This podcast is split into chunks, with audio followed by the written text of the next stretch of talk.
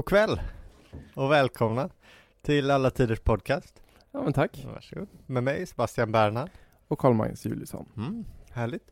Eh, idag tänkte vi göra en Pompeji special. Ja. Och eh, gå in lite i arkeologins fält. Ja, det blir ingen, eh, ingen person den här gången som Nej. vi eh, rör oss runt. Det är tur att vi är sådana mångsysslare så att vi kan eh, röra oss i alla fält.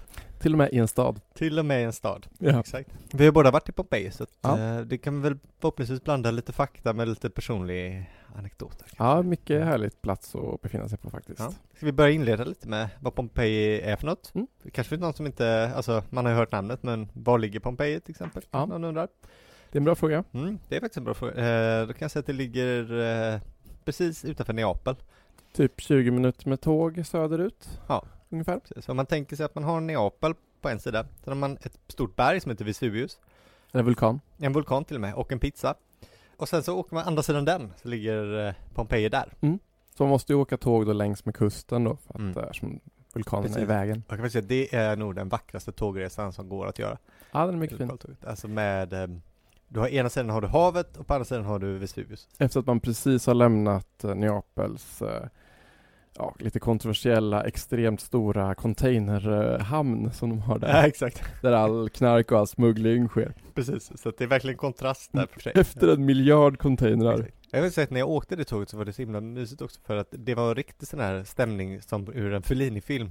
Det var en massa italienska tonåringar som satt och hånglade och så var det massa folk som skrek och det var varmt. Och så var det en man som spelade en sån klassisk napolitansk tarantella på eh, dragspel faktiskt.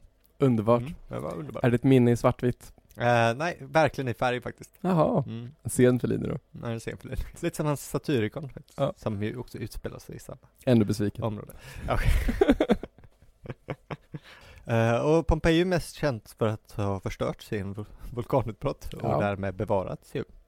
Och är ju en, eh, idag en arkeologisk sajt som är vår främsta källa till allt romerskt. Mm. egentligen.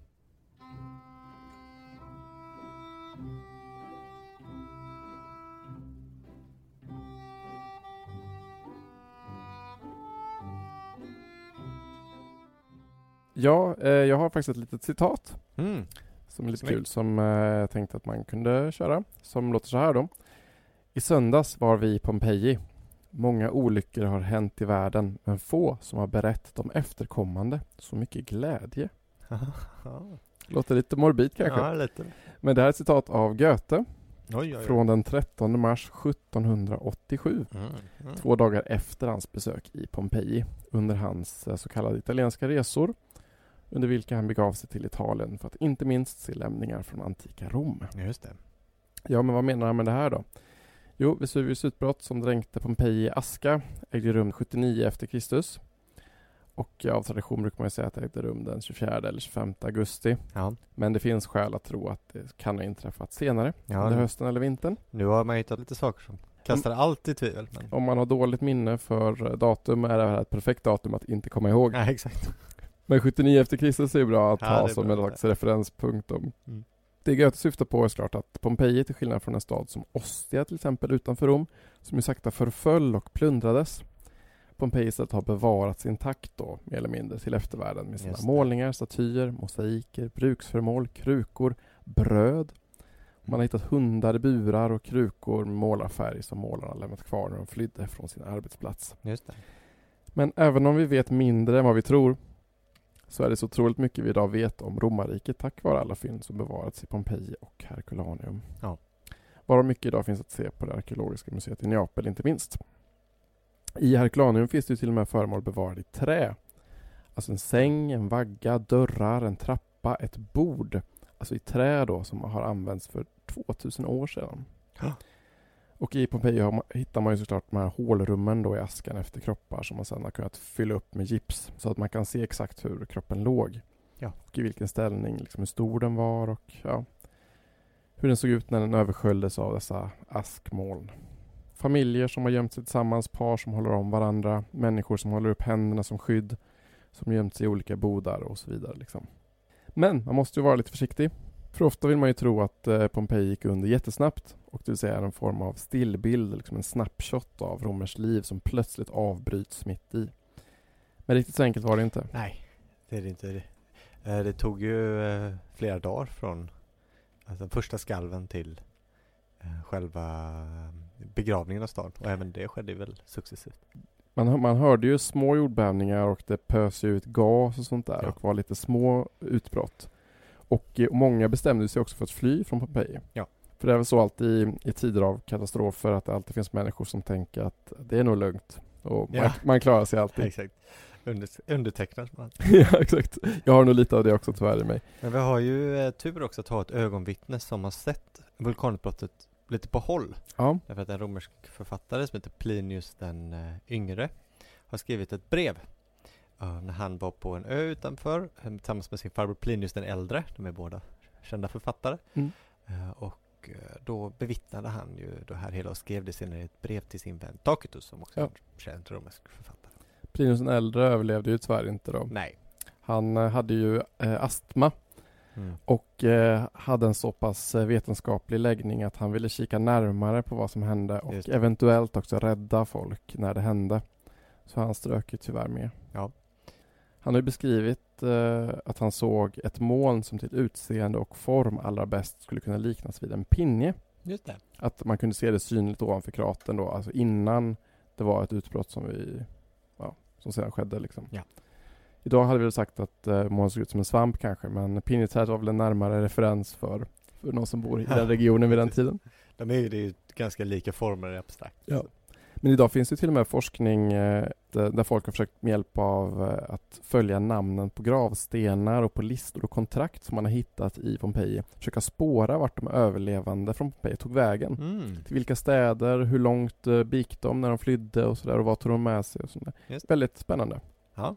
Jag vet också att folk kom tillbaka igen för att, för att gräva ut det för att även om Pompeji upptäcktes 1599 um, ehm, som en arkeologisk, uh, protoarkeologisk plats så vet vi ju att folk hade, har grävt i området tidigare. Dels då direkt efteråt folk som återbesökte sina hem och försökte helt enkelt gräva ut sina ägodelar.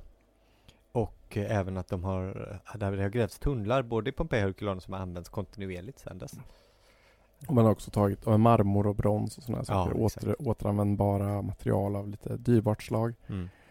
När Mary Beard då, den kända brittiska klassicisten, skrev sin bok om Pompeji eh, 2008. Då hade man hittat eh, alltså sådana här hålrum då efter 1100 individer. Ah. Och då var en fjärdedel av Pompeji fortfarande inte utgrävt. Nej. Men man kanske kan säga ungefär att 2000 tror man dog. Mm. Om man då räknar med den här outgrävda delen. Av då en befolkning som kan ha varit mellan 6400 och 30 000. Ja. Beroende på hur tätt vi föreställer oss att man bodde. Precis. Det går inte riktigt att veta. Även från de platser där vi har så att säga eh, folkräkningar så räknar de ju bara med fria män. Jaha. Vilket utelämnar alla barn, alla slavar och alla kvinnor. Ja. Så att eh, så det där är ju anyone's guess så att säga. Ja, men det borde ju ha varit ganska många som bodde där mm. egentligen. För att eh, de hade ju två teatrar till exempel i sten. Ja. Som ju byggdes 200 år innan Rom fick sina första teatrar i sten. Just. Och den stora teatern rymde ju 5000 personer. Ja. Och eh, så att man kan ju gissa ändå att om man bygger en teater så bygger man väl inte den att den ska innehålla alla människor som bor i en stad. Nej, nej. Det är ganska orimligt. Det är orimligt. Ja. Sen har de ju en liten teater också för finkultur som rymde 1500 personer. Aha. Och den lilla teatern hette ju Odeon. Just det. Vilket betyder sångplats och hade tak och har ju, har ju gett namn åt biografer och teatrar till exempel en i Paris. Mm. Ja, det finns ju en eh, stor Odeon i Aten också. Ja. Så enligt de här siffrorna så överlevde ju de flesta. Ja, precis. Och, och de tog ju då med sig möbler och prylar och eh, Vissa låste till och med in sina skatter för att de trodde att de skulle kunna återvända då. Så att, eh, det är inte exakt den perfekta Nej. plats man vill tänka sig att det är. Nej, det är inte så att hela stan bara frös. Liksom. Nej, så är det inte. Men eh, tillräckligt mycket för att vi ska kunna skapa en bild av hur en mm. romersk stad såg ut. Ja. En annan viktig sak som eh, man kanske inte alltid tänker på är att Pompeji också är en gammal stad. Oh ja. Och det vill säga inte är en stilmässigt och homogen stad som man, man ibland kan tro av någon anledning. Liksom man tänker att en stad är Nej, precis. Liksom är ny. Pompeji är antagligen en stad som är lika gammal som Rom åtminstone. Mm. Eh, vi har ju inga, inte riktigt lika exakta Nej. datum på det, jag har inte skrivit lika mycket historia men någon gång under 700-800-tal. Den är så gammal? 600-tal. Kan Okej. ha grundat. Och det kompliceras ännu mer då av att den inte bara är gammal, den har ju också haft flera olika kultur, kulturer som har bosatt sig i stan. Ja men precis. Eh, grundades ju av ett folk som heter Oskarna antagligen. Ja. Som ju kanske är lite bortglömda. Ja de är väl det. ja, precis. Sen med så ju, har den ju kommit under grekiskt inflytande. Mm. Eh, från framförallt då eftersom Neapel som ligger nära var en grekisk stad. Eh, en väldigt stor grekisk stad också, Neapolis. Det kommer då också, också en annan stad där nere som heter Partenope. Och de växte ihop sig lite så. Man kan ju fortfarande kalla Neapel för Partenope ibland. Partenopeiska bukten Ja, exakt. kan man säga va? Precis, och även den Partenopeiska republiken fanns en gång i tiden. Ehm, så att då är, verkar det som att uh, Pompeji hamnat under grekiskt inflytande. Senare, senare övertog eh, folk som heter uh, samniterna området. Och, eh, och de också. Men det, under alla den här, hela den här tiden så verkar det som att uh, oskiskan ändå har levt kvar. Det har varit en oskisk befolkning. Mm. Även under de tider då även, till och med etruskerna var där och härjade. Ja det var ju, det är ju liksom en väldigt um, säga, mångkulturell region vid den här tiden. Precis. Och man vet ju riktigt inte vilka, vilka influenser som har varit de viktigaste just vid själva grundandet. Nej. Fram till att samniterna då tog över den. Liksom. Precis, och det kan ju då vara lite vanskligt om vi vill ha, använda Pompeji som urtypen för en romersk stad.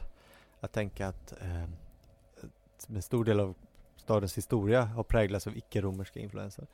Det kan ju också vara svårt i och för sig för eftersom oskiskan, eller oskarna och samniterna var ju också italiska folk precis som romarna. Och det kanske inte alltid är så lätt att se, veta vad som är romersk och oskisk kultur. De kan ju ha varit rätt lika faktiskt. Mm. Och eh, det var ju ganska sent som Pompeji blev en romersk stad också. Ja.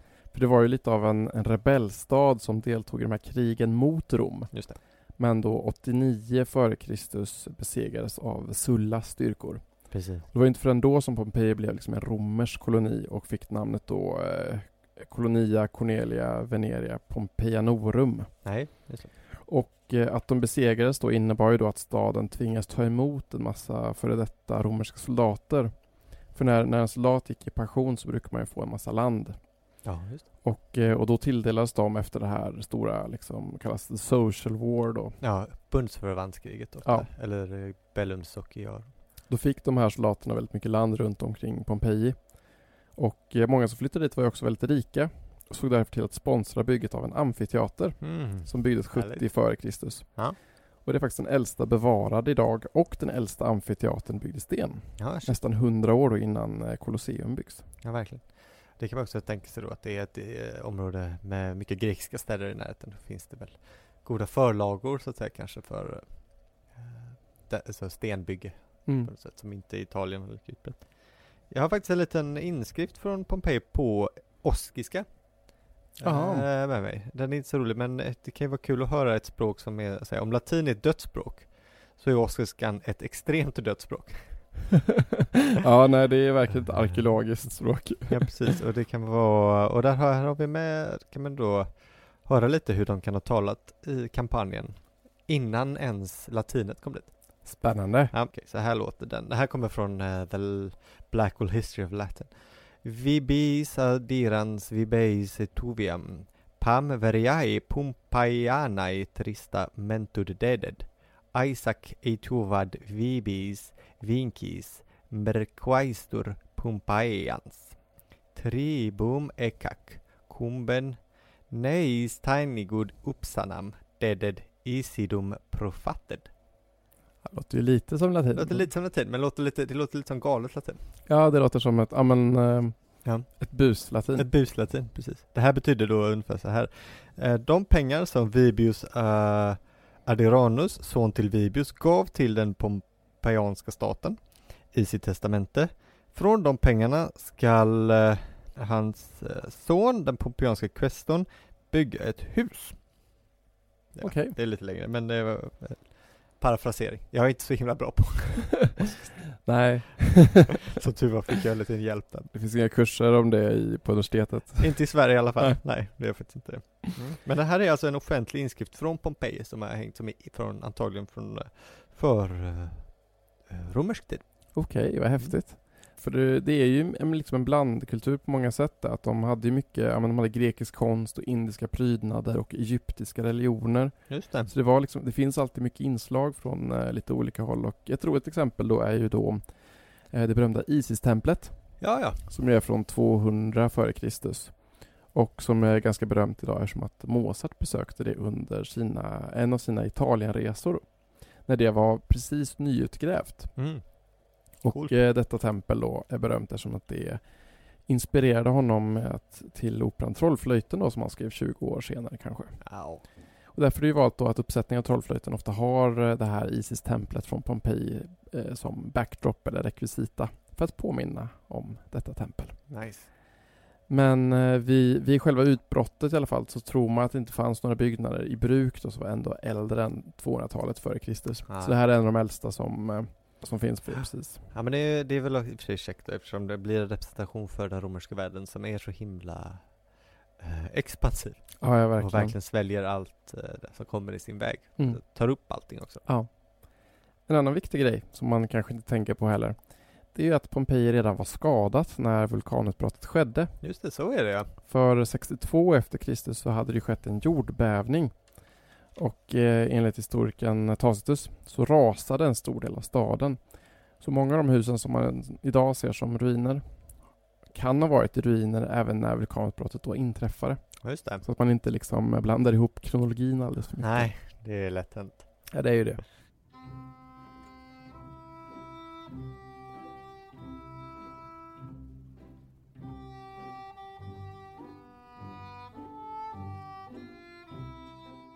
Ja, men eh, hur ser det ut i Pompeji då? En bra fråga.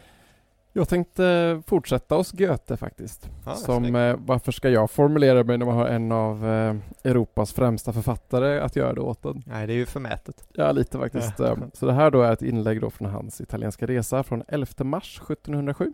Där han säger så här då. Eh, Allt i Pompeji är så trångt och smått att man förvånas. Oj. Smala, om också raka gator, på sidorna försedda med gångbanor av sten. Små hus utan fönster som får sitt ljus bara genom dörrarna ut mot gårdar och öppna pelargångar. Till och med de offentliga inrättningarna, bänken vid stadsporten, templet, också en villa i närheten, allt är mera modell och dockskåp än byggnad. Men dessa rum, gångar och pelargångar är målade i de gladaste färger, väggytorna likartade, i mitten en detaljerad tavla, nu för det mesta bortbruten i hörn och kanter lätta och smakfulla arabesker, ur vilka också nätta barn och nymfgestalter träder ut. Medan på andra ställen vilda och tama djur tränger fram ur väldiga blomstergirlanger. Den nuvarande ödeläggelsen vittnar om en stad som först täckts av sten och askregn men som därefter plundrats av utgrävarna och vittnar om ett intresse för konst och måleri hos ett helt folk som den ivrigaste konstvän i våra dagar inte kan göra sig ett begrepp om, som man inte har känsla för eller behov av. Ja, det var väldigt fint. Ja, eller hur? Ja, Och han fångar också, visst är liksom de det är svårt om man inte är en Goethe att kanske skildra alla dessa ornament och Ja. färger och girlanger så som, eh, så som det verkligen är fortfarande. ja, men jag tycker det kan få också det liksom brottet mot förväntningarna som man lätt har av romersk kultur och arkitektur om man har så att säga baserat den på kanske ja, populärkulturen som man får den. Då tänker man ju det väldigt stort gärna. Mm. Framförallt mäktigt och pampigt och så såklart det här klassiska myten om att det skulle vara väldigt vitt. Ja. Eh, och så är det ju inte, alltså det är ju ganska lite, det är ju även i Rom, alltså, alltså det finns ju de stora monumenten men allt annat är bara att det är väldigt tätt som Mm. en italiensk stad idag fortfarande liksom. Ja, och, det är framförallt färggrant som är galet. Alla väggar i alla hus är i princip målade. Ja. Det är ju Och, väldigt eh, fint tycker jag att han, han gestaltar dem som ett, ett helt folk som är som är mer intresserade av konst och måleri än vad vi ens kan föreställa oss idag. exakt. Någonting väldigt, eh, väldigt fint över Ja, det. verkligen. Eh, och det här, det här märks också på, kanske också på utsidan av husen där, för det är ju graffiti överallt. Mm. Det är ju verkligen graffiti överallt. Ja, det är väldigt kul. Inte en vägg, alltså både inne och utomhus är det ju graffiti. Ja. Och den rör ju sig, eh, ska jag säga, både högt och lågt. Ja men verkligen, jag skulle faktiskt säga, det här, det här låter lite fånigt kanske, Ja. men eh, jag har väl aldrig varit så här att det är fett med klotter. Nej. Men efter att jag eh, studerat eh, antikt klotter så har jag ändå kommit underfund med att det faktiskt alltid har varit så här. Ja, just det. Och då har det, det har ändå gett så här, ja men det har ju faktiskt varit klottrat i två och ett halvt tusen år. Ja. Då är det, svårt att liksom försöka ta bort någonting som alltid har funnits. Nej, så är det. Eh, och eh, ibland kan man till och med, om man har vant sig vid det, eh, ett, sådär, och varit länge till exempel en stad med klotter, då kan det nästan kännas lite läskigt när det inte är något klotter. Ja, Man eller undrar hur? vilka människor bor här, Är som det, inte ens målar på väggarna liksom. det känns som att man är en fasciststat då. Ja, lite. Några roliga då graffiti-skrifter, för att de här har studerats ganska ingående och kan vara rätt roliga. Eh, och de rör sig då från allt från den väldigt enkla klassiska som eh, Lucius Pinksit, alltså Lucius skrev, Ja. eller Lucius målade, riktigt så, Lucius var här, inskrift. en klassiker En klassiker. Fortfarande funkar. Precis. Blir aldrig tråkigt. Och sen är det ganska mycket politisk satir. Och den kan vara lite olika som vanligt sådär Sjusovarna röstar på Pupilius Rufinus eller sådär. Den här hade till exempel, eh, det är lite konstigt latin på den men Vatuan aidiles frunki rogge Rågat antagligen. Det är sådär Tjuvarna ber att Vatina ska bli Aidil. Och Jaha. Aidil är då han som har koll på marknader och säkerhet och så. Ah, okej. Det är då en, eh, en anspelning på att eh, han är en riktig buse liksom. Bara tjuvar som Ja, ja, ja. Eh, en annan klassiker, den kan, ska se om du kan räkna ut den med din latin. Uh, Move te felator. Ja, det, du vet, jag vill höra dig säga det. Flytta på dig, kuksugare. ja, det är kul. Den blir aldrig tråkig. Nej. Alltså det finns ju vanliga saker också som att, att man ska rösta på olika saker som, Ja, är, som är utan satir och så finns det ju oftast eh, folk skriver upp sina, vad de försäljer till exempel. Mm. Väldigt mycket reklam. En rolig är att det finns liksom ett klotter på ett hotell där någon har kissat i sängen eftersom att det inte fanns någon potta. Så någon form av försvarstal varför eh, de lämnade hotellrummet i denna ja, erbarmliga skick. Japp. Sen finns det ju skrivet att den ena eller den andra är en hora. Jo, det är Att klart. någon har legat med den eller den andra på en viss plats. Japp. I en viss gränd. Utanför en krog kan man se att man har, kn- någon har knullat med värdinnan. Mm. Eller att man har fått en avsugning med en viss vägg. Ja. Eller i alla fall har skrivit det. Ja, eller, eller hur? Så att det kan, det är liksom högt och lågt och... Precis, det finns eh, också en del eh, citat ju. Eh, bland annat från um, Eniden. Är det ganska många. Också ofta man har ändrat någonting lite. Det finns också en som faktiskt är från Ovidius som är ganska fin tycker jag. Som är Militat omnis amans. Varje älskare kämpar. Oj. Mm, den är ganska fin. jag. Den står på en vägg och det är ju från uh, Ovidius Amores. Liksom. Så de var, kunde vara rätt litterära på Det, det är som en variant av um, Omnia Amor Vincit. I Ja. vilken ordning det nu är. Ja, lite så. Lite så. Kärleken övervinner allt. Klassisk Exakt. tatuering. Ja, verkligen. Det är nummer två efter Carpe Diem tror jag. Ja, det måste det Mm. Men det är ju en skillnad då från till exempel den här som är Sörj flickor. Eh, min kuk bryr, bryr sig inte om mer längre. Nu för tiden sätter den bara på män bakifrån. Så det är liksom, det finns högt och lågt. Ja, men de säger ju någonting om um, romerskt liv. Både det som har förändrats och vad som inte har förändrats. Exakt. Vilket är väldigt kul. Det är inte så många som skriver det. Ta en sista, bara för jag tyckte den var så himla charmig. Så här, Kie, jag hoppas att dina hemorrojder blir värre än någonsin. så himla specifikt, jag tycker Det är faktiskt väldigt roligt. Det slår ju när man är i Pompeji. Verkligen, verkligen. Men överlag så är romersk stadsplanering väldigt spännande. Mm. Väldigt organiserad. Säger du det du? Ja, Ja. jag tycker det är lite spännande. Ja, det är det också. För man byggde ju nästan alla städer efter samma princip, mer eller mindre. Alltså två gator som ett kors. Den från öst till väst heter Decumanus. Den från norr till söder heter Cardo. Och i mitten la man Forum, alltså det stora torget då. Det. Och det är typ allt. Ja, ja därifrån drar man liksom Ja, gatorna zigzag. ja men exakt liksom. Och ef- efter denna konstruktion så är det heller det är inte så ovanligt att staden växer i lite olika riktningar hit och dit. Nej, det. Men om man idag då ser en karta över en gammal eh, stad som då har, har sin, eh, sitt ursprung i, i gamla Rom så kan man urskilja den äldsta ursprungliga staden genom att försöka hitta detta tydliga kors Just och det. detta forum då mellan två huvudgator och en kvadrat ungefär av Mm. bostadsområden. det är inte så vanligt att man hittar i många europeiska städer ju. Och det, är ju, det kan man kika efter om man vill veta var, var den Ja, första grunden till staden låg. precis. Även långt utanför Italiens gränser. Mm. I Tyskland och sådär. Ja, okej alltså. Ja, men i Trier och Cologne och sådär. Eller Ja. Köln. Tror jag att du kan lista ut det. Mm. Häftigt är det. Men det finns inga parker eller utrymme Nej, för gräs eller träd som man gärna vill ha idag i en stad. Nej. Utan allt är stenlagt i Pompeji, vilket ger staden lite konstigt intryck. Överallt är stengator, stenhus, murar och trottoarer, men ingen växtlighet. Nej. Utan det fick man ha på sin innergård. Just det, Lite som det också är i eh, muslimsk arkitektur, alltså och Ja. stadsplanering. just det. Det kan man faktiskt se i spanska städer som Córdoba till exempel, som Mm. är byggt väldigt mycket under deras, eh, när morerna bodde i, eh, i Spanien. Ja. Murar och anspråkslösa fasader, men där inne rymmer sig trädgårdar och lyx. Ja, det, det har något det också. Det gäller ju då att man har ett tillräckligt stort hus för att Ja, för att kunna ha en för trädgård, såklart. Det finns ju ett roligt eh, undantag från den här regeln med romersk stadsplanering. Och det är ju staden Rom. Ja, just För det. den har ju absolut ingen romersk stadsplanering. Nej. Så att man har liksom eh, applicerat i efterhand. Men i Rom eh, ser det inte ut så. Den är Nej. Klassiskt virrvarr. Lite ordning är väl om man är precis på Forum. Ja, precis på forum är det lite dåligt. Forum Romanum då, alltså det som ligger vid Colosseum där. Ja, exakt. Det är hyfsat ordning där, men, Ja. men resten är ju bara kaos. Ja, visst. Men eh, ett typiskt romerskt hus, Ja. eller domus, ett hem, på en eller två våningar, brukar alltså bestå av en hall, Ja, kallas eh, vestibulum, just det. en vestibul, så, som i Cluedo. Just det. Heter det där? Va? Jag har bara spelat Simpsons Cluedo en gång men Professor Plommon med ljusstaken i vestibulen. Alltså, det var mer uh, Marge med uh, donuten i, i vardagsrummet liksom. Ja, vad fan. Ja, ja. Eh, vid båda sidor av hallen så brukar det finnas två affärer, nästan alltid, i de stora husen, som då kallas tabernai, Ja, ja, just det. vilket ju är ett namnet taverna.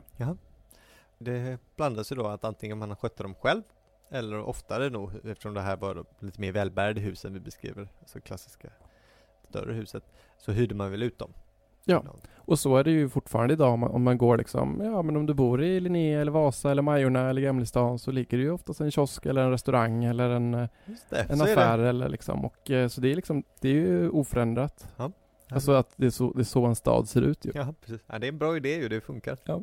Så det är en stor skillnad på bostadsområden som kanske många som byggdes senare under eh, sex- 50, 60 och 70-tal. När man gärna hade en idé att man skulle samla allting på ett torg, Ja. all näringsverksamhet. Då märker man ju snabbt det, att hur tomt det blir när du inte har några affärer någonstans. Ja, visst. Öde gator. Ja, precis. Och ehm, efter hallen kommer man in på en innergård, ett atrium Mm. med ett hål i taket, ett så kallat oculus, alltså ett öga, precis som i Pantheon då i Rom. Och under detta öga eller hål i taket finns det oftast ett impluvium, alltså en form av pool som samlar upp regnvatten. precis. Och sen runt ett atrium brukar det finnas en massa mindre rum utan fönster ofta, eh, som kallas kubikulum, alltså sovrum helt enkelt. Ja, kunde varit lite vad som helst, men Ja. ofta sovrum. Beroende på hur stor familj man har då. Ja, exakt. Och eh, eh, mitt emot hallen då, eh, på andra sidan impluviet, brukar det ligga något som heter tablinium. Vilket då var det kontor där herren i huset eh, tog emot viktiga gäster. Pater familias. Exakt. Och detta rum har ofta ett stort fönster då som vetter ut mot trädgården. Ja. Som då kallas hortus, trädgård. Som befinner sig alltså längst in då i, eh, i husets eh, konstruktion. Precis. Det är ju lite, alltså nu, det här är ju gränsen tablinium mellan den offentliga delen av huset och den privata. Alltså om du är en romersk pater familias, då tar du ju varje mo- morgon, varje morgon tar du emot dina klienter, folk som är beroende av dig, eh, som du har en eh, här, ge och ta relation med. Och då, då förväntas de dyka upp varje morgon för att hälsa på dig eh, och ofta få någonting, det, kanske det är ofta dina pengar faktiskt. Mm. Och de kommer hit. Det är också här du tar emot liksom och, affärsgäster. Längre bak i den privata delen av huset. Där blir du bara inbjuden om du är en vän till familjen. På Mm. något sätt. Eller så här. Men det är ju intressant då att ofta sovrummen också ligger i den här delen av huset. Ja. Det är lite chockerande. Verkligen. Mm. Och eh, bredvid eh, detta då, arbetsrum kan man säga, brukar det ligga någonting som heter triclinium, vilket då är matsalen. Där man då kunde ligga eller sitta beroende på hur välbärgad man var. Ja. Och detta är egentligen de vanligaste beståndsdelarna och det vanligaste sättet att organisera ett eh, typiskt romerskt hem. Ja. Men sen finns det ju massor med variationer såklart och du Ja. kan ha mycket större hus. Du kan ha två stycken atrier då med eh, varsitt impluvium. Man kan ja. ha fler sovrum, man kan ha ett kök och sådär. Exakt. Om, man, om du brukar säga att den naturliga utbyggnaden på det här, som om vi kan kalla för domus, liksom stand, standarddomus, är att man har ett peristylum längst bak också. Mm. Det är som en större trädgård fast med en pelargång runt. Ja, Och där kan du ha många, och där har du gärna ett till triclinium, en till matsal. Som är liksom lite finare, lite Mm. finare matsalen kanske. Men det här är ungefär liksom, om du tänker en eh, 60-talsvilla Ja, i en det. vanlig villaförort. Det här är liksom Precis. eh, formelhemmet. Exakt. Ja men de är förvånansvärt ändå att de, de bygger, alla hus har en vestibul med ett atrium sen. Ja. Det kan du inte frångå liksom. Och de här vattensamlarna var väl också praktiskt att man använde väl det vattnet sen när man tvättade sig och sådär. Bland annat kanske. Det fa- man hade ju faktiskt också rinnande vatten i eh, Pompeji. Och vissa fontäner och så. Ja, Mm. och de finare husen hade inomhus, alltså vatten som rann in i huset. Det här var ett ganska käckt system faktiskt för att eh, cisternen ligger då högst upp eh, i staden, alltså högst beläget geografiskt sett så att, den, så att vattnet kan rinna naturligt ner. Då var det så att om det var en torka så trädde det i kraft ett system där du har tre hål där vattnet kommer ut. Det översta hålet går till de privata bostäderna. Så det stängs av först om vattennivån sjunker. Eh, Nästa nivå är till de offentliga baden. Och sist till de offentliga fontänerna som då är de vanliga människornas dricksvatten. Så att eh, du kunde liksom reglera då så att det det inte rinner ut vatten till eh, onödiga saker ifall torkan träder in. Det är ju extremt smart gjort. Ja. Och så får man ju tänka på, ja, men när, när resten av Europa fick rinnande vatten nästa gång, Ja, ja precis. som ju är extremt långt senare. Jag vet inte när, jag vet inte när uh, rinnande vatten kom till Sverige. Liksom. Nej, nej, det kommer väl 1800-talet nog kanske. Ja, och tänk på att det hade de redan med till och med sådana här eh, system för att sköta torka och font- fontäner Jaha, för så kan det liksom vara. mer än 2000 år sedan. Ja, det är orättvist. Det är ju fantastiskt. Um, alltså det är intressant då, taberna som du sa har ju ett namn åt taverna. Men betyder ju då alltså inte riktigt samma sak som vi skulle kalla det. Jag tänker mer på en restaurang, typ. Grekiska res- restauranger heter väl alltid taverna? Ja, exakt, det gör det faktiskt. Ja, det har ju kommit därifrån. Ah, ja, Från latinets taberna. Eller om det kan ha varit grekiskt ord från början. Säkert. Och I Italien heter det också ibland taverna ju. Eh, Det finns väl en ja, restaurang i Göteborg som heter något sånt där. Taverna Värna. Exakt. Eh, Men det här är ju inte ordet då för en bar egentligen, eller restaurang. Utan bara den här affärslokalen. Utan ett, en restaurang eller en bar kallades för ett thermopolium. Mhm. Eller plural thermopolia. Eh, och det kommer från ett grekiskt ord som betyder ter, som heter thermopolion. Betyder där något varmt säljs. Visste att terma är väl, eh, Exakt, som är Värme. ordet termos. ja, och termometer. och termometer. Exakt. Så det är värme. Eh, och de här är ju väldigt vanliga då. Det är en av de vanligaste eh, sakerna du kommer se om det är Pompeji. Att just en taberna är ett termopolium. Därför att om du inte var rik nog att ha ett kök hemma så var du beroende av att äta din mat ute. Mm. Det kanske låter tvärtom från hur vi lever lite. Ja, visst. Eh, Men jag tänker att ett kök tar ju mycket plats och det är dessutom ganska farligt att laga mat om du inte har en designerad eh, plats för det. Du kan ju Mm. inte bara tända en eld var som helst.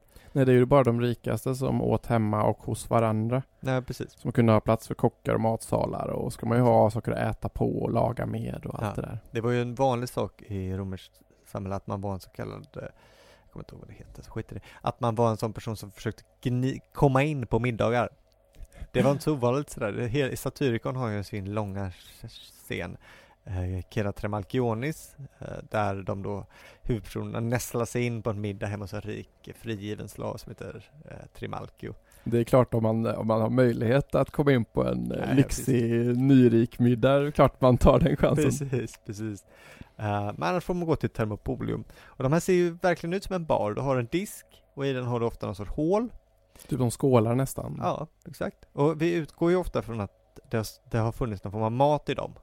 Det här har ju Mary Beard eh, ganska hårda ord att säga om eftersom vi inte har hittat något som egentligen skulle vara säkert på att det är så det funkar. Eller att i alla fall att de har lagat mat i de här. Mm. Därför det går inte riktigt att värma underifrån. Nej. Men det är väldigt svårt att inte känna när man kommer in där att här har det funnits något att servera. Ja men precis, man tänker typ att det ska vara liksom soppor eller någon gryta i de här Ja, skålarna som man exakt. då liksom öste upp på i någon eh, Precis. skål. Typ. Man har väl hittat nötter i någon tror jag. Mm. Eh, antagligen oliver har vi serverat också. Och Frön. Också så romersk gröt. Ah, Det låter väldigt mycket gröt de här. Okej. Eh, och, eh, och dessutom så har vi faktiskt vinlistor ibland. Mhm. eh, På vissa, har, det finns en prislista till och med. Oj. på en vägg. Där vi får veta att för en ass, som är det minsta romerska myntet, så får vi billigt vin. Så får vi enkelt vin. För två ass får vi bättre vin. Och för fyra ass får vi falerniskt vin. Mm. Falernesvin är känt från eh, Horatius diktning och sådär bland annat. Han drack alltid det dyraste vinet. Exakt. Det roliga är att det här är inte mycket pengar. Fy, inte ens fyra ass som är en sestertier är egentligen särskilt mycket pengar. Så det är ganska billigt. Så fyllan var billig. Fyllan var billig. Mm. Men sen har vi faktiskt en, en beskrivning från en annan där för att på termopolier, precis som över, ungefär överallt annars i, i Pompeji och vi förmodar i hela den antika världen, såldes det också sex. Ja, Det ja. var väldigt vanligt att servitriserna var till salu eller ibland eh, föreståndarens eh, fru eller döttrar. Mm. Och då har vi att priserna på dem låg på ungefär två ass. Ska vi se, nu kommer jag inte ihåg hur mycket vin Ja, kostar. det var alltså för mellanvinet ungefär. Ah, ja. Så det är också, alltså, det är också väldigt, väldigt lite pengar. ja. Inte som en stor stark, men som en IPA ungefär. Ja, exakt. Mm. Vilket ju kanske ger en lite smaklös smak i munnen, måste man säga. Ja. Så är det. Men, men i alla fall, de är ju extremt liksom, vanliga. Ofta har de en liten bänk utanför också, så kan det ha varit rätt, säkert rätt trevliga pengar där. ja, verkligen.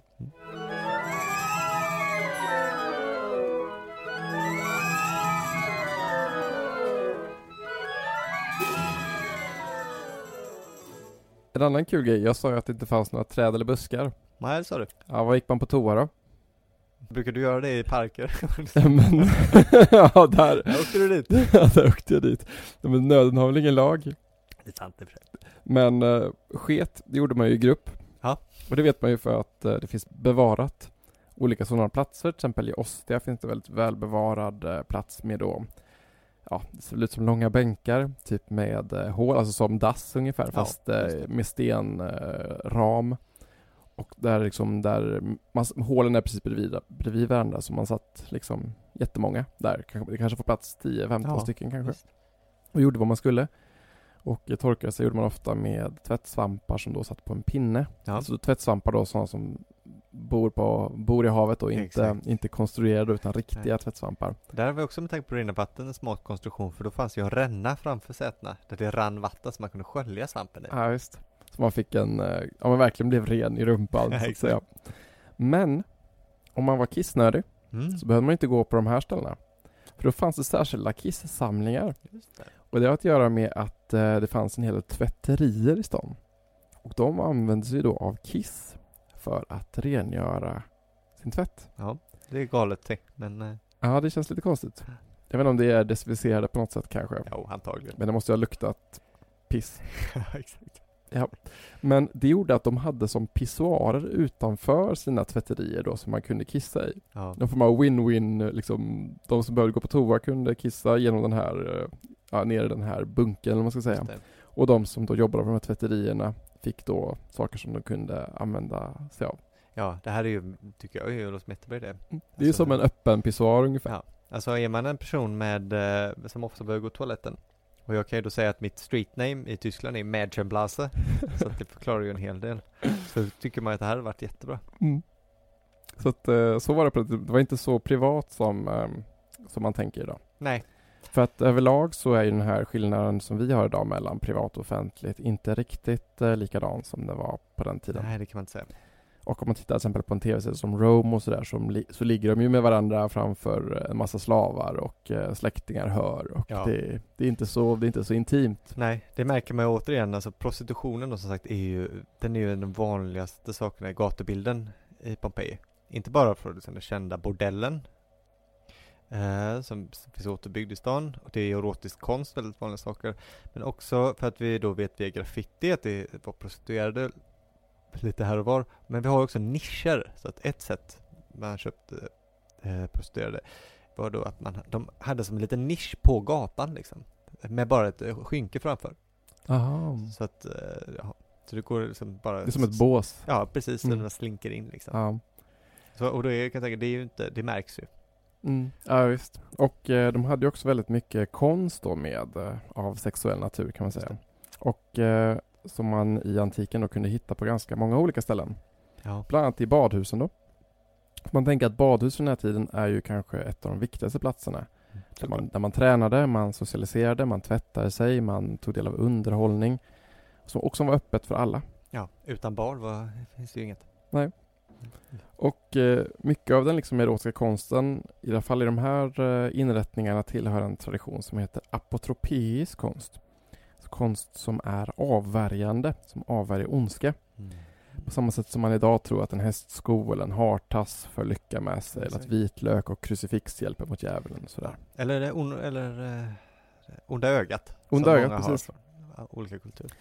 Men eh, i, ant- i antika Grekland i alla fall, nu är vi lite tidigare då, Ja. använde man istället för hartassar och vitlök nakenhet. Mm. Alltså man, det här finns i Pompeji också, att man karvade in fallosar på dörrposten. För att hålla ondskan borta eller hade en mycket välutrustad satyr i trädgården för att hålla inkräktarna borta.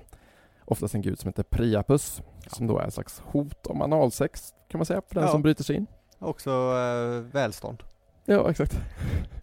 Ordagrant. Ja. Det här kunde ju faktiskt inte få stånd Priapus så det är en eh, myt där väldigt Va? Jag kan dra det lite snabbt att det är väl, det är så här då att han försöker eh, Ja men den går ungefär så här, jag har lite glömt, glömt detaljerna men det är ganska roligt. På grund av att en åsna en gång eh, skrek när han skulle försöka ha sex så kan han inte längre få stånd. Okej. Han blev förbannad på något sätt, det finns en, en litet, eh, liten eh, text om det här. Men det gör att man offrar åsnor till Priapus, han hatar ju åsnor. Aha. Men han kan alltså inte få stånd. Han är då eh, för eh, förbannad med världens största snopp, men han kan Ja. inte få stånd. Shit. Det är en sorglig historia. Ja, mycket. Men i badhusen, där hade man oftast då erotisk konst för att avvärja eventuella faror. Som att eh, ja, men halka Ja. eller drunkna. Men också mot det som kallas då eh, ftonos eller invidia, Ja, det vill säga avundsjuka eller då det onda ögat. exakt.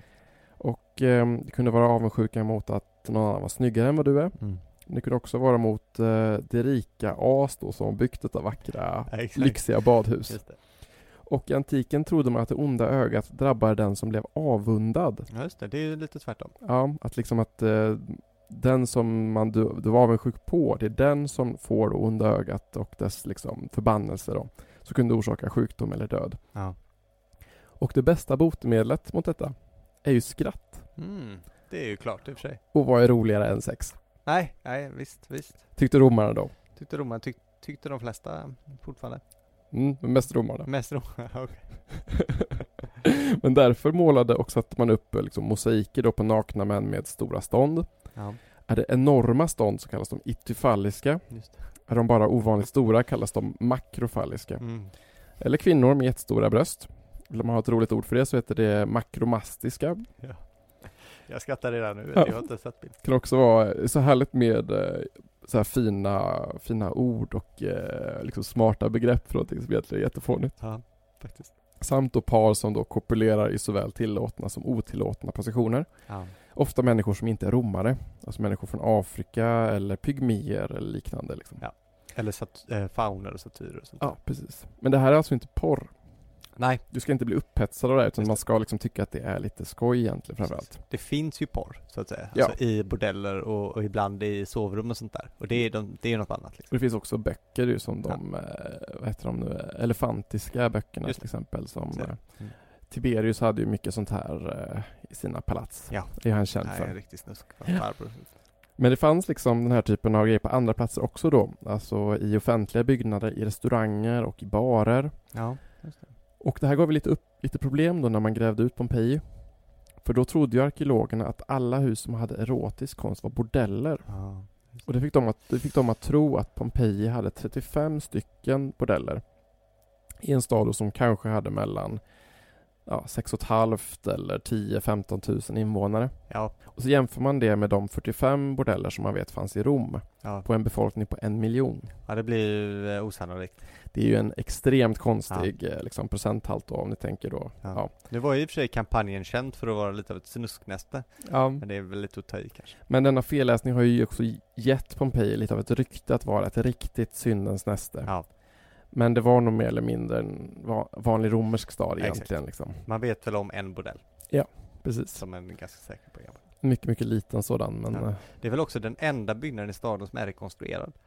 är den det? Ja. Jaha, det visste inte jag. Det är lite, en- alltså som man då har satt ut, man har ju byggt på det lite för att visa hur en hus såg ut antagligen. Mm. Det är intressant i sig. Nej, okej. Men det är liksom, den heter då Lupanare. Ja. Och det brukar vara mycket skolklasser som går igenom den. Och det, den består ju av en fyra eller fem jätte- jättesmå celler med Ja. liksom en stensäng då som ser mycket obekväm ut. Precis. Och ovanför varje liksom, cell då så är det, så är det liksom en, en illustration och allt är ju bara teorier, men man tror ju då att man då kunde peka på de här, alltså för att många pratade ju då inte samma språk där, som Nej. att det fanns ju liksom så att då liksom pekade man vad man var ute efter, tror man, men det, det vet vi ju ingenting om. Nej, det är lite någon, någons snuskiga fantasier som sitter och försöker lista ut det här. Ja men eller hur liksom. Men mycket av denna erotiska konst då som eh, från Pompeji finns idag på det arkeologiska museet i Neapel Mm. i, som, i den så kallade erotiska eller pornografiska samlingen. här den förbjudna avdelningen. Eller den förbjudna avdelningen. Och den har ju varit stängd jättelänge Ja, och förbjuden för allmänheten. Men numera har den alltså 15 års gräns. just det. Jag har faktiskt sett någon bli, bli refuserad där. Är det sant? Jaha. De har ju en vakt som står och kollar folk. Eh, Och han går kan jag säga inte på ID utan på hans personliga känsla. Hur det känns. Ja. För det är väldigt roligt. Jag, jag var ju där, när jag var där själv i alla fall, då kommer jag ihåg att jag var på den översta våningen där de har alla um, de här väggarna då med de fina måleriet och de har alla mosaiker och så. Och eh, det var väldigt roligt då, för då gick det fram två unga killar till mig Ja, och, eh, och frågade mig var den låg. okej. Så då fick jag liksom visa vägen, för de var liksom en våning fel då. Bara, Ja. No you have to go down to the stairs and then it is you know between the... så att det är ändå, ändå så två små killar som, som frågar om vägen till den erotiska Ja, avdelningen. det är det man vill se. Den är ganska liten ju men tätt packad med saker. Ja. Väldigt mycket penis.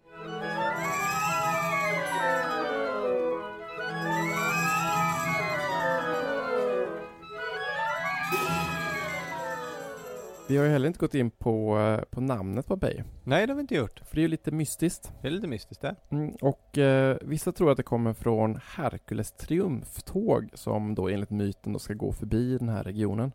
Och triumftåg på eh, latin heter ju pompa. Ja, som är pompa och ståt. Men eh, det är en teori. En annan är ju att det kommer från oskiskan. Ja. Alltså från pompe.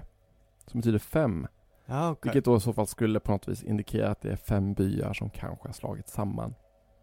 Det är en bra gissning. Men vem vet. Nu kommer saker lite, lite i konstig ordning här, men fan. Det är Ehm, Pompeji är ju även känd för sin fisksås. Just det. Det är en av de stora fisk, leveran, eh, fisksåsleveranterna då i eh, det romerska riket. Ja, man har väl hittat eh, långväga har man hittat markeringar från att det står Made in Pompeji så att säga. Ja men precis. Den här fisksås då som är mer känd kanske under namnet garum. Mm. Som eh, Sebastian är expert på tror jag. Ja, expert och expert, det är inte så mycket att säga. Det är en fermenterad fisksås. Fermenterad är alltså ett fint ord för eh, ruttna djur från havet då som har dekomposterat i solen. Exakt, så det man gör är att man tar en amfora eller keramikkärl av slag och så fyller man den med fisk, hela fiskar. Man ska inte ta ut eh, inälvorna någonting. Eller det kan man göra ibland, men då ska man spara inälvorna också så att allt ska i. Eh, makrill gärna, Mhm. faktiskt, vet, eh, vet man om. Men eh, kan vara lite vad som helst, sardiner eller sådär, något som man fångar i Medelhavet. Det känns lite som att de tog i bara massa restprodukter, typ Ja, det är liksom men, eh, blandat bös. Ja, precis, men det ska ju smaka gott också. Mm. Gott. Och sen lägger man ja, den i solen i en månad ungefär. Och sen eh, silar man det och så får man en sås. Som romarna hade på typ allt Mm. faktiskt. Det- Som vår tids ketchup. typ. Ja, ja, men lite, man säger ofta det men jag tycker inte folk har ketchup på allting. Så Nej, kanske man inte Nej. har. Det kanske man ja, inte har. men eh, för verkligen, jag tror att i de kokböcker vi har bevarat för dem, eller egentligen en, Api- Apicus heter den väl. Så är det garum i princip allt. Mm. Och det finns också bevarade alltså listor på eh, de olika typerna och hur mycket de kostar. Precis som vinet Just så fanns det. det liksom garum av olika sorter. Och vi nämnde precis innan att det var väldigt mångkulturellt i Pompeji. Ja. Då finns det ju även då eh, garum som är kosher, Just det. det vill säga utan bläckfisk då. Mm. Garanterat. Ja. Inga skaldjur heller såklart. Nej, precis. Nej. Och som då alltså indikerar på att det måste ha funnits någon form i alla fall av eh, judisk befolkning även i Pompeji då. Ja. Man har ju spekulerat länge i, har, har funnits, kan det ha funnits kristna i Pompeji? En sån där sak som forskare såklart har velat, velat veta eftersom vi, vi in på hundratalet efter Kristus. Men det har man inte riktigt hittat några bevis för. Man Nej. vet ju att det fanns judisk befolkning. Mm. Så då gissar man att det kanske någon. Om inte det var liksom eh, allmänna romare som bara gillade att äta kosher. Nej, så kan det vara också. Så folk idag gillar att äta glutenfritt fast Ja. det inte är. Nej, just det. Jag tror inte det. Det känns inte som något romarna skulle göra. Nej, jag tror inte det heller. Men det är roligt att säga. Roligt att säga. Det Mm. finns ju ett arkeologskämt då att Pompeji förstörts två gånger. Ja. Nu outar jag deras internskämt då som är sådär roliga. En gång då vid utbrottet och en gång när det började grävas ut på 1700-talet. Ja. Den tidens arkeologer var ju inte riktigt lika försiktiga som dagens. Och mängder med konst och mosaiker sånt har gått förlorade på grund av deras eh, ovarsamhet. Ja. Dessutom blev ju faktiskt Pompeji bombat under andra världskriget. ja, just det. och har byggts upp i delar efteråt så att ehm, ja man får väl eh, det pajar lite illusionen men det är ju mycket som är rekonstruerat i Ja. Pompeji tyvärr. Det var ju så att alltså på 1700-talet grävde man ju ut mer för privata samlingars skull. Mm. Alltså det här var ju en del av kungariket Neapel. Det var ju mycket för att få saker till liksom eh, kungens privata samlingar. Mm. Man var ju ute efter konstföremålen och sket ju egentligen i det vad som beskrev det romerska samhället. Ja verkligen. Och man brukar då säga att Herculaneum då började liksom grävas ut 1738 Mm. eller så upptäcktes då och Pompeji 1748. Och Herculaneum är ju känt att man liksom, det upptäcktes när man skulle bygga grunderna till ett sommarpalats åt kungen av Neapel. Och så här skrev faktiskt Goethe då, den 18 mars 1787 när han besökte Herculaneum som då inte var riktigt lika utgrävt som idag såklart. Ja. På den här tiden fick man alltså kliva ner i denna berömda brunn och gå via den in i Herculaneum då, som låg under marken. Okej. Vilket ju är rätt häftigt. Man märker om det här Herculaneum att det ligger liksom i en grop. Så att eh, de första tillträdet gick då via underjorden och så Ja. besökte man det som en slags eh, begravd stad. Spännande. Och så här skriver han då. Eh, denna gamla stad låg vid foten av Vesuvius och blev fullkomligt täckt med lava. Och under senare utbrott blev täcket ännu tjockare så att byggnaderna nu ligger 60 fot under jorden. Man upptäckte dem då man grävde en brunn och stötte på golv i marmorparkett. Vilket elände att inte utgrävningarna sköts planmässigt Nej. av tyska bergsmän. Nej, såklart. Han är också nation- nationalistisk tysk. Jo. Ty genom tillfälliga rovgrävningar har säkert mången ädel antikvitet gått förlorad. Man går 60 trappsteg ner i en håla där man vid fackelsken beskådar teatern som en gång låg under bar himmel och man låter sig berätta vad allt man där har hittat och bragt i dagen. Just det. Och eh, det som jag tänker med liksom varför det är så roligt att läsa just eh, Goethes skildring av sin eh, Grand Tour i Italien. Det är ju något så fantastiskt som att det han ser under sin resa i Italien och det man ser idag är mer eller mindre exakt samma saker. Just det. Fast vi idag har så mycket, mycket mer då såklart. Men att eh, Isis-templet som Åsa såg, det är kvar. Farnese Herkules, den berömda statyn som Goethe får se då hos eh, kungen Just det. Finns idag på museum, så man Ja. kan se det. Pajstum är kvar och alla mosaiker och målningar finns på Arkeologiska museet. Så att besöka de här sakerna är lite som faktiskt att eh, vara med i en 250 år kulturhistoria där man besöker exakt samma föremål som folk alltid har beskrivit. Det är coolt faktiskt. Det är ändå rätt maffigt tycker jag. Ja. Det finns ju en rolig sak som nästan alltid tas upp i guideböcker till Pompeji eller föreläsare skriver och det är att, eh, att väldigt mycket av det man hittat i Pompeji är så himla likt det moderna livet i Neapel. Mhm. Alltså att eh, sättet folk bor på är ganska likt. Det ligger all, nästan alltid en affär på botten på samma sätt, framförallt i gamla hus som har ägts av adelsfamiljer. Eh, man talar nästan alltid om graffitin då, som ju är vid, vidspridd i Neapelbukten och på samma sätt, det handlar liksom om sat, det är liksom satir överallt. Eh, alltså saker som vi i Sverige skulle använda billboards till används bara mitt på väggar på ett annat sätt. Politiker klistrar upp sina budskap och sådär. Mm. Sen är det ju såklart också äh, uteätandet, restaurangerna och alla altare som är överallt. Eh, det har vi inte tagit upp men alla hus i Pompeji har ju ett altare Mm. inne i huset. Och alla gathörn har ju i princip ett altare. Och så ser det ju även ut i Neapel bara att det, man har fyllt altaren med annat innehåll så att säga. Men de ser faktiskt ungefär Mm. exakt likadana ut också. Det alltid Maradona till exempel. Precis, ja, exakt. Berömt altare. Det, ja, precis. Ja, men de ser väldigt lika ut också. Det är samma form på skåpen liksom. Mm.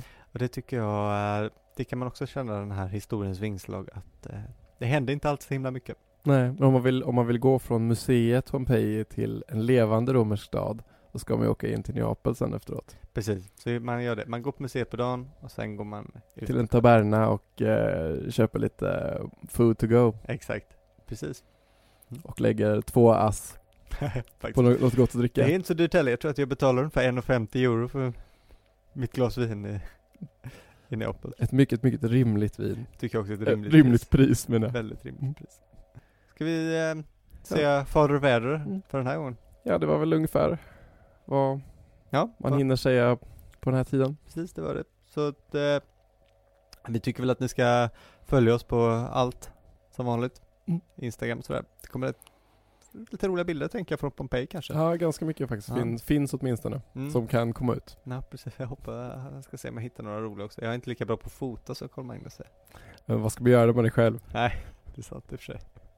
Det är sant. Men det kommer i alla fall. Och så om ni gillar latin så får ni gärna kolla in min eh, gammal poesi. Tänkte lägga upp lite mer Martialis nu. Eh, Martialis som är så bra. exakt, Mm. det ser Det ser jag fram emot. mm, Perfekt. Så eh, god natt och god kväll. Ha det gott. Ha det fint. Hej.